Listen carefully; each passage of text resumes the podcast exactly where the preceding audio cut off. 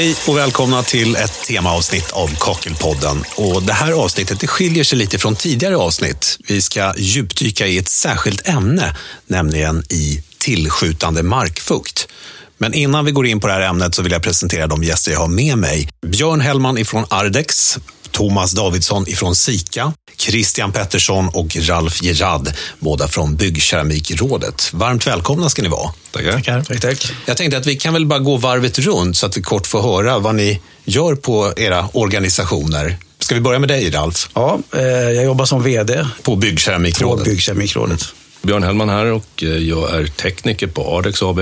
Vi tillverkar och säljer tätskiktsprodukter för just det här området bland annat och även vanliga tätskiktssystem naturligtvis som är godkända av Byggkemikrådet. Christian Pettersson, Byggkemikrådet, eh, jobbar med utbildning och eh, teknisk support. Thomas Davidsson, SIKA, sitter som eh, teknisk support till alla våra nordiska och baltiska länder när det gäller tätskiktsspackel och golvlim. Jag har onekligen experter runt bordet här. Jättekul och intressant. Jag tänker att vi börjar i rätt ände. Vad är tillskjutande markfukt? Ja, det är ju så att säga vatten i marken helt enkelt. Och då bygger du ett hus på blött underlag. Och det riskerar att tränga in. Framförallt när man pratar tillskjutande fukt, då pratar man om hus som är oftast äldre än, eller byggda innan 1980. Okej. Okay. Då fanns det ingen form av kapillärbrytande skikt i, under bottenplattan till exempel. Så det gör att det finns risker att det kan, vatten kan tränga in i konstruktionen i huset. Vad säger du Thomas? Eh, det är precis som Björn är inne på där. Eh, framförallt så är det äldre hus där man har haft källare från början och bara varit en källare och sen nu går man in och så vill man göra boutrymme av det. Då skapar man nya förutsättningar och kräver nya förutsättningar. Men eh, alltså förr i tiden då när man byggde, då, då, då använde man de här utrymmena på ett helt annat sätt? Det var mer som förråd kanske? Eller? Mer förråd och mer källarutrymmen, använde potatiskällare och allt vad det kan tänkas varit. Och då struntade man i den där tillskjutande fukten helt enkelt? Har man en källare så har det ju, det blir kallutrymme och marken är kall och bildas det inte några konstigheter. Men så fort du värmer upp ett utrymme då får du kondensen på ett helt annat sätt. Ja. Och det är det som gör problemen, eller skapar möjligheter, hur man nu vill se det. Ja, möjligheter, det gillar vi. Christian, vad säger du? Ja, men jag håller väl med. Idag isolerar vi ju bort allting så att säga. Vi får ju ett, vi har ju kapillärbrytare, en form av tvättad singel i botten. Sen har vi då isolering som stoppar då den tillskjutande markfukten när vi bygger modernt. Det, det byggsystemet hade vi inte förr så att säga, utan då grävde vi en grop i backen, vi göt en kaka på 8-10 centimeter och så var det klart. Liksom. Mm. Och ska vi då täta alltihopa nu i en gammal konstruktion, då får vi problem. Ja, och de här problemen ska vi djupdyka i. Jag tänkte innan vi går vidare, Ralf, eh, vi har ju ett annat upplägg på det här avsnittet. Det är ett så kallat temaavsnitt där vi djupdyker just i det här tillskjutande markfukt. Varför gör vi det? Det stämmer. Ja, det gör vi dels på grund av er lyssnare. Det är också så att vi börjar närma oss den här årstiden där vi börjar få de här problemen. Men man kan ju säga så, vi har ju haft nu sju avsnitt av traditionell version av Kakelpodden. Och då har det varit så att vi har lite önskemål. Folk har mejlat in på info.bkr. Eh, lite önskemål om vad man vill höra och temaavsnitt. Och det som är absolut just nu eh, mest populärt, det är det här om tillskjutande markfukt. Så, mm. så därför så kände vi oss liksom tvungna att, att djupdyka lite mer här och göra ett temaavsnitt om det. För att det är ett så pass alltså, viktigt och, och eh, svårt ämne, skulle man kunna säga också. Ja, verkligen. Det är, det är oerhört komplext. Men om vi skulle säga så här nu att jag har ett äldre hus, säg någonstans där byggt eh, slutet 70-talet. Och nere i källaren så vill jag ju göra det lite mysigt där nere. Fixa ett eh, badrum kanske eller ett duschutrymme. Vad ska jag tänka på? Liksom, hur, hur ska jag få reda på om det är tillskjutande markfukt överhuvudtaget? Ja, det behöver man inte se direkt överhuvudtaget. Man kanske inte haft något problem med det tidigare heller för att man inte haft den typen av utrymme heller som skapar problem. Eh, men vi rekommenderar nog alltid att är det ett hus som är byggt före 1980 så ska man alltid anse att det är risk för tillskjutande fukt i den konstruktionen. Och då bör man utgå från det när man jobbar vidare helt enkelt. Vilken typ av material man bör använda och liknande. För att man bör alltid använda material som klarar av vatten och står i ständig fuktig miljö egentligen. Så då pratar vi egentligen om produkter som man kan använda utomhus. Så det är liksom, går man den vägen så är man ju alltid säker på att man inte får problem i framtiden om det skulle hända någonting. För som sagt, du ändrar förutsättningarna i hela konstruktionen när du börjar lägga på tätskikt och eh, keramiska plattor till exempel på golvet. Mm. En, ett litet tips som man alltid kan ge en kund som ringer för första gången och vill ta reda på det här, det är att klippa ut en plast, 02-plast, en tunn plast och tejpa fast den på golvet en kvadratmeter. Skapa det här kondens under, då vet man ju att ofta att det finns väldigt mycket fukt i marken också. Mm, det var ett väldigt konkret och bra enkelt tips. Enkel test, och få en indikation på. Okej. Och om man nu får en indikation på att det är tillskjutande markfukt, vad, vad ska man göra? Vad är nästa steg så att säga? Ja, det är definitivt att säkerställa med entreprenören att eh, han tittar lite vidare på det där och eh, sen då titta på vad, hur ser konstruktionen ut innan man sätter igång med arbetet. För det, har du skivor på väggarna i källan så kan det bli stora problem. Däremot är det massiva konstruktioner, typ betong eller uppmurade väggar, då finns det alltid det är inte så känsligt material om det skulle finnas lite fukt. Men det gäller att tänka hela vägen. Ja. Christian, om eh, någon kontaktar dig till exempel på Byggkeramikrådet, en platsättare som säger att ah, men jag har varit och kollat på ett hus här, byggt 77 och eh, ja, vi har kommit fram till att det är tillskjutande markfukt här. Hur, hur ska jag gå tillväga? Vad svarar du då? Ja, det gäller ju att tänka konstruktion hela vägen så att säga. Eh, vi ska ju bygga upp någonting. Det innebär att vi måste då, som Björn sa, använda saker som vi kan ha ligga i fukt. Då. Kanske de som ligger, ska vara utomhus. För man får ju titta ända från botten. Då. Ska vara prime ja eller nej? Vilket spackel ska vi ha som tål 100% RF, alltså relativ fuktighet. Vad ska vara för tätskikt? Ska vi tätskikta hela ytan och så vidare? Och där hänvisar vi mycket då till tätskiktsleverantörerna som har hela program då med alltifrån primer, spackel, tätskikt och så vidare. Hur man specifikt ska gå tillväga med just deras system. Och då pratar vi egentligen Björn och Thomas här, Sika Ardex till exempel. Till exempel, ja. Mm. Vad säger du Björn då? Ja, jo exakt. Vi råder ju alltid att eh, vi har en konstruktion som är gjord innan 1980. Att, eh, vår rekommendation är alltid att det är risk för en tillskjutande fukt i den här konstruktionen och det var jobba efter den tesen helt enkelt. Och det betyder att vi tar fram ett system helt enkelt som fungerar i den här miljön med olika produkter då, som är kompatibla plus att de klarar av om det skulle bli en hög vattenansamling eller fukt i konstruktionen. Christian, det här är ju just med tillskjutande markfukt. Det kan ju komma från väggar också. Det här får du förklara lite bättre. Men det är också ett avsteg ifrån branschreglerna. Vad, vad innebär det egentligen? Man kan väl säga så här att det vi pratar om det är att det är ett avsteg från reglerna och det gäller massiva golv och ytterväggar i källare. Det innebär egentligen att vi kan inte ha våra vanliga tätskikt här, kanske på hela ytorna.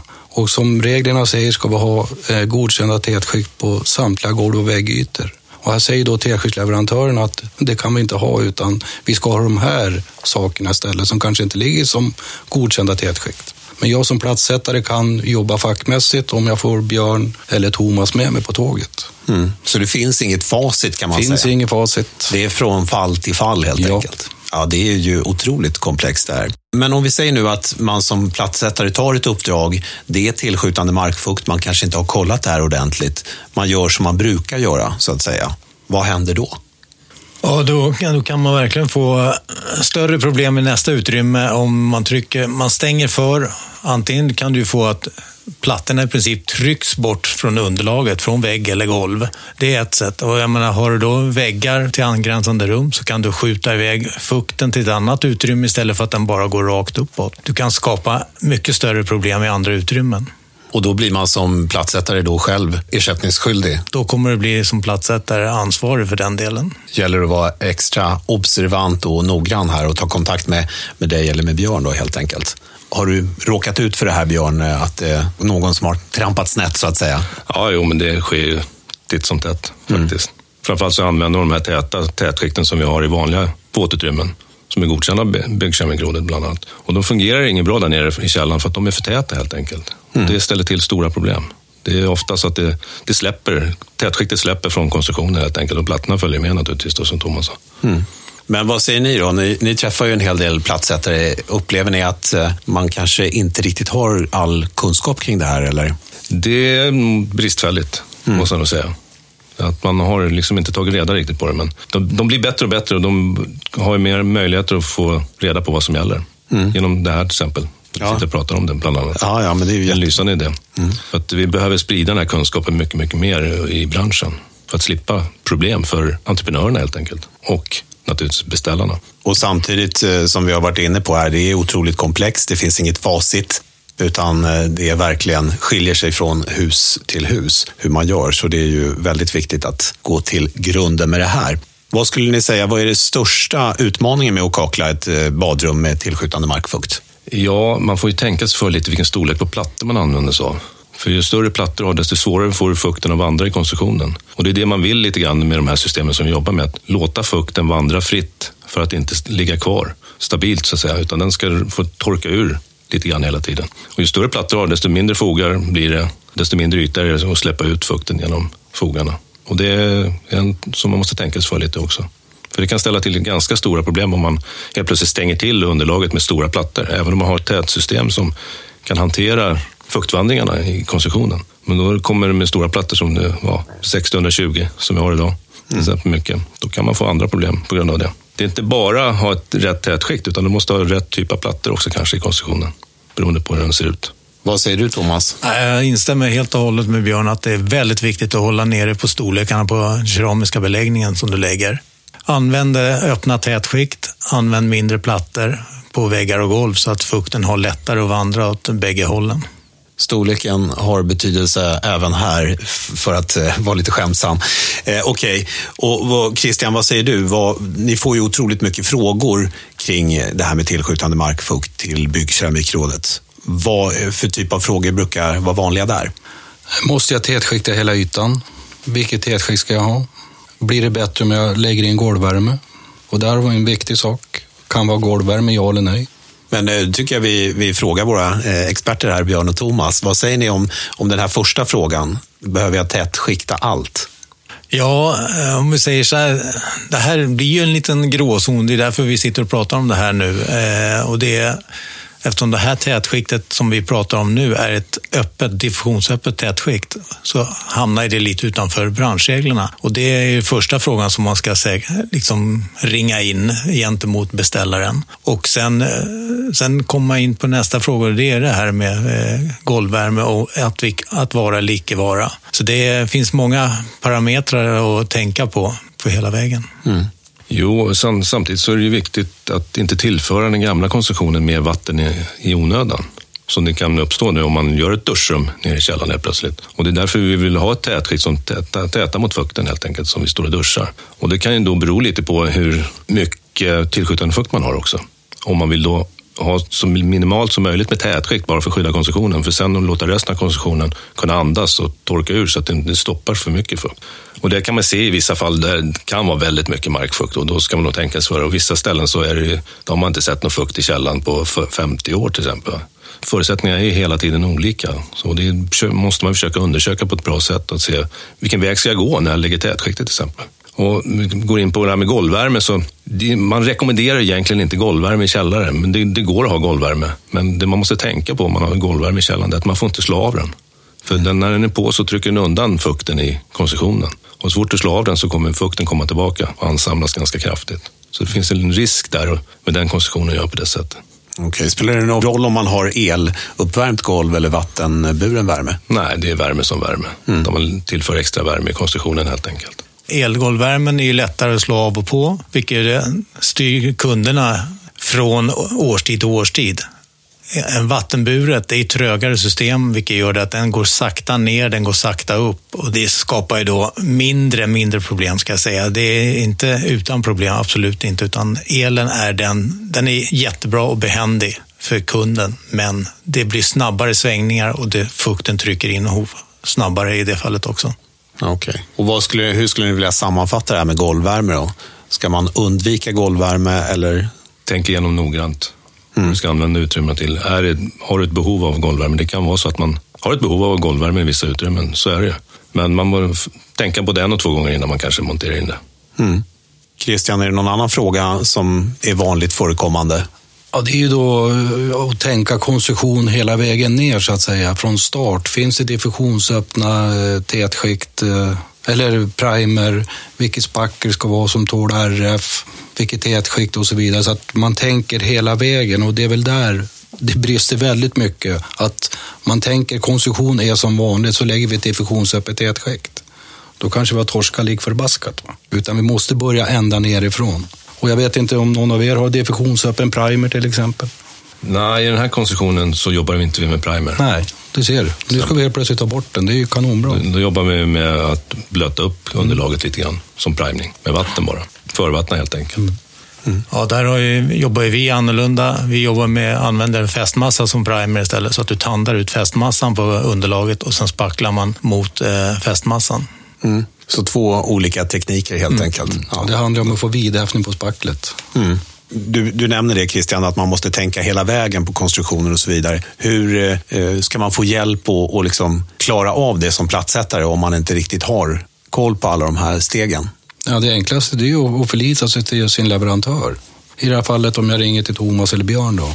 Mm. Hur ska jag bete mig på just det här specifika fallet? Och där slutar man ju då på toppen med platsstorleken då för att öka fogytan så att vi får fukten att kunna andas då på något sätt. Det kanske inte ska vara som Björn sa 60-120. Vi kanske måste gå ner i det här specifika fallet på 20 gånger 20 och ha 6 mm fogar för att öka fogytan så att säga. Björn, om, om någon platsättare kontaktar dig och frågar, du, eh, jag har det här huset, de här förutsättningarna. Vad behöver du för fakta för att kunna hjälpa den här platsättaren? Ja, först brukar vi oftast fråga på när är huset byggt. Mm. Det, det är den första frågan vi ställer helt enkelt för att kunna veta egentligen vilken väg vi bör fundera på. Eh, och sen är det upp till beställaren att bestämma sig för också att tror jag att det kan vara risk för tillskjutande fukt eller att nej, det här är inte tillskjutande fukt i den här konstruktionen, även om den är byggd 1969. Så får man utgå därifrån för att eh, anser man att det inte är risk för tillskjutande fukt, då är det ju godkänt att det är ett system som ska användas som Byggkemikerrådet tillhandahåller idag på sina godkända listor. Och är, det, eller är man osäker, minsta lilla osäker, då ska man ta det säkra för det säkra. Att anse att det är risk för tillskjutande fukt. För det är ju så att det behöver inte betyda att det har varit tillskjutande fukt på 50 år som jag sa tidigare. Men helt plötsligt kan vi få en eh, väderfenomen som dyker upp som aldrig har skett på 100 år i Sverige. Med en översvämning och liknande. Så vi får en helt annan tryck på fastigheten som man inte uppnått tidigare på 100 år kanske. Mm. Och det sker titt som tätt också. Så har man då rätt konstruktion från början för att hantera det så får man inte några stora problem jämförelsevis med att använda ett godkänt system. Mm. Thomas, vad säger du om, om en platssättare ringer till dig och har lite frågor och, och tankar? Vad, vad, vad brukar du säga då? Först, först försöker jag fråga in eh, hur konstruktionen är, eh, både väggar och golv. Om det, om det ligger i sluttning på ett berg eller någonting sånt där. Och eh, sen då gärna ge förslaget att göra en tejpning, sätt en plast på golvet och låt den sitta eh, x antal dagar för att se om du får en tillskjutning på den, om du får kondens under. Och sen då brukar jag förklara vilka produkter vi rekommenderar för eh, ändamålet om de absolut vill ha golvvärme och så vidare. Och sen då eh, säga det, är det inneväggar du ska ha duschen mot så förklarar jag, då kan du köra vanliga systemet. Men däremot är det mot ytterväggen så bör du ha ett diffusionsöppet system när det gäller tätskiktet. Mm. Så tätskiktsystemet beror lite på hur förutsättningarna ser ut helt enkelt? Ja. Mm. Du pratar om det här diffusionssystemet. Mm. Eller vad heter det? Diffusionsöppet system. Ja, vi har, jag har hört det några gånger här. Jag måste bara reda ut. Vad är det för någonting? Det är, eh, i vårat fall och säkert i många andras fall, så är det ett system som är uppbyggt på polymerer. Det är alltså plaster och som blandas med cement. Och vilket gör det att det här systemet är inte 100% tätt och där kan alltså ånga och fukt gå igenom mycket, mycket lättare än vad det är på de här övriga foliesystemen och andra godkända system som finns på BKRs hemsida. De är mer täta så de att säga? De är absolut täta. Mm. Okej, okay, ja, jättebra att vi reder ut det. Det här med platsstorlek har vi pratat om att det har en, en stor betydelse. Eh, är det något annat man behöver tänka på just när det gäller plattorna? Ja, de bör ju vara inte så känsliga för fukt. Det finns ju plattor som, har, som suger åt sig fukt på ett annat sätt. Kakelplattor till exempel. Mm. Jämfört med granitkeramikplattor som har ingen absorptionsförmåga överhuvudtaget av vatten. Så det bör man ju använda sig av naturligtvis. Plattor som fungerar bra i en miljö där det är blött helt enkelt. Mm. När det gäller ångtryck har vi inte riktigt varit inne på det särskilt mycket. Vad säger ni om det? Kan man mäta ångtrycket och hur gör man i så fall? Vi har en branschregel eh, där vi säger att det ska ha en miljon SM i ångtryck i branschreglerna helt enkelt. Och jämför då med divisionsöppna system som vi pratar om här hela tiden, som ligger kanske på 10 000, 20 000 max. Och skillnaden är som, som man pratar om, vad gör det egentligen? Jo, det är för att vi pratar, då måste vi prata kemi lite grann. Vattenatomen, den är stor som en tennisboll. Men ångatomen, den är stor som en pingisboll. Och det betyder att de här diffusionsöppna systemen, de är som ett fisknät som fångar upp den här vattenatomen. Man släpper igenom pingisbollen som är ångatomen helt enkelt. Det är det som är kemin bakom det hela. Ja, okay. Det svåra med att mäta ångtryck, det är svårt att göra i en bostad. Där är, finns det väl, jag tror inte jag har sett något instrument i dagsläget man kan eh, nyttja som en hantverkare kan ha. Men, eh, så det, det är små tester och väldigt mycket undersökning för att utföra det här och mm. veta vilken typ av tätskikt man ska använda för det specifika utrymmet. Vad brukar vara ditt råd man ska göra? Nej, det är det som vi har varit inne på nu, att verkligen eh, göra stora, så mycket undersökningar man kan om eh, förhållandena, om hur hus och allting är uppbyggt och sen därifrån eh, tänka och rådfråga oss leverantörer vilken man, tätskikt man ska använda. Mm. Jag kan ju säga att allt det här bygger egentligen på gamla erfarenheter som finns en lång tid tillbaka. Det är därifrån vi bygger på våra kunskaper helt enkelt. Erfarenheter i det verkliga livet. Så att det är ingenting vi tar fram i ett laboratorium direkt mm. i dagens läge. Utan det, det, här har fungerat i massor och massor av år. Inte bara i Sverige utan i andra länder också. Så mm. det finns lång erfarenhet av de här konstruktionerna och med tätskikten. Och ni har ju alla här väldigt eh, lång erfarenhet och, och, har koll på läget så att säga. Så fråga, fråga, fråga kan man väl kanske uppmana om. Absolut. Absolut. Okej, Christian eh, från Byggkeramikrådet här. Vad, vad, säger du om det här? Eh, om vi börjar med tätskikten vi har så att säga, så har vi eh, för att bli ett godkänt tätskikt ska du klara ett ånggenomgångsmotstånd på minst en miljon sekund per meter. SM som man säger då. Eh, det här diffusionsöppna tätskiktet som Björn sa ligger på 10-20 000 kanske. Det är långt ifrån då, men det är ju en annan uppbyggnad då med eh, molekyler och alltihopa uppifrån och nerifrån som en Gore-Tex-jacka. Men eftersom inte det klarar en miljon så ligger inte det som är godkänt i ett skikt. Det är därför vi måste ha en monteringsanvisning från våra leverantörer för att vi ska jobba fackmässigt. När vi pratar ångtryck så har vi ju faktiskt lite problem med att kunna mäta ett ångtryck. Det går inte. Va? Vi har olika ångtryck, olika årstider. Eh, ett vanligt sätt eh, är att man kommer ner i källaren, man ska röja undan någonting. Man flyttar en hink, man ser att det finns en liten fuktfläck, en lite mörkare fläck. Ja, då ser man redan där att det finns tillskjutande markfukt. Så att beroende på när vi gör det, vilken årstid vi gör, så kanske vi kan få en indikation med en plast, men vi kanske inte får den här indikationen vi behöver ha. Därför kanske man ska göra som Björn säger, att gör vi ett, ett badrum där kåken är gjord före 1980 så får vi förutsätta att det finns tillskjutande markfukt för att ha det säkra före det osäkra. Mm. Och när, vilken tid på året skulle du säga att det är mest sannolikt att, att se den här tydliga tillskjutande markfukten? Ja, den får du nog på vårkanten. När snön har smält så att säga? Ja, men framförallt att du får en temperaturvariation. Okej. Okay. När jag fixade badrummet hemma, det var ju inte nere i någon källare, då så fick jag ju dokumentation. Hur funkar det med dokumentation när det gäller eh, den, den här typen av utrymmen som kan ha då tillskjutande markfukt? Jo, men det, idag kan man fortfarande skriva i kvalitetsdokumentet från Byggkemikrådet att man skriver en avvikelse helt enkelt. Det viktiga är ju att man dokumenterar vilka produkter som är använda och hur mycket mm. i konstruktionen och i badrummet överhuvudtaget. För det är ju liksom ett värdebevis som man har inför framtiden också om man ska sälja sin fastighet. Så att den nya ägaren vet vad som finns bakom kaklet, för det syns ju inte så lätt. Nej. Om det inte finns någon dokumentation på det hela. Så det är lika viktigt det också, att man har en dokumentation även om man gör en avvikelse från branschreglerna. Ja, det låter ju väldigt bra. Vad säger du Christian från Byggkeramikrådet? Jo, det är precis som Björn säger. Eh, det vi ska tänka på är att presentera vår lösning med vår beställare innan vi påbörjar jobbet.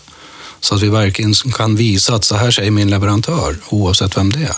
Att vi sedan använder våra kvalitetsdokument med en avvikelse, det kan ju faktiskt vara så att vi har godkända system på väggarna, men ett diffusionsöppet på golvet. Då blir bara golvet själva avvikelsen, så att säga. Så att eh, det är väldigt viktigt att få spårbarhet i det vi har gjort för framtida bruk så att säga. Vi mm. kanske säljer fastigheten eller det händer någonting år 8 eller år 12. Hur hade man tänkt? Har vi gjort det fackmässigt? Mm. Alltid bra med dokumentation. Absolut. Okej, det har varit otroligt spännande och djupdyka i det här med tillskjutande markfukt. Men jag tänkte att vi ska summera lite. Vi börjar med dig Thomas. Vad skulle du vilja skicka med lyssnarna? Vad är det viktigaste att tänka på? Det viktigaste är att ta rätt produkter i hela konstruktionen. Allt ifrån spackel till tätskikt och till plattor och eh, fästmassor så att det blir rätt produkter. Det är det absolut viktigaste för ändamålet. Christian? Tänk på dokumentationen. Eh, visa er beställare vad er leverantör säger. Se till att dokumentera och ha monteringsanvisningar med.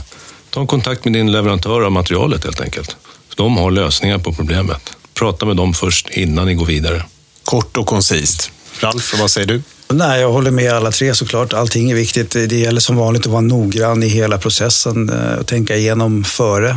Men jag skulle också vilja bara poängtera och understryka att, att den här typen av tätskikt som vi pratar om, det är inte så att det är något nytt påfund och det är därför vi gör det här avsnittet. Utan, ja, den här typen av tätskikt har ju funnits i jätte, jättemånga år så det är inget nytt. Men eh, däremot så skulle jag säga, eh, slå ett slag för att vi skriver om de här och vi rekommenderar de här väldigt ofta i våra andra eh, anvisningar som vi har på Byggkemikrådet, bland annat våra riktlinjer. Och för er som har kollat eller sett dem så finns de på vår hemsida. Och där är det riktlinjer som ja, omfattar pooler, bassänger, terrasser, altaner. Ja, överallt kan man säga, överallt där vi sätter plattor där det är lite tuffare belastning, där det inte är inomhus. Så att i våra övriga riktlinjer så finns redan den här typen av tätvikt omnämnda. Så ett tips kan vara att gå in på bkr.se och botanisera där? Ja, om man vill titta på eh, konstruktioner, flera konstruktioner eller, eller områden där man använder den här typen av tätskikt. Tack så mycket allihopa. Jag tackar Björn Hellman ifrån Ardex, Thomas Davidsson ifrån Sika och Christian Pettersson och Ralf Gerard ifrån Byggkeramikrådet. Stort tack. Tack, tack. tack. tack.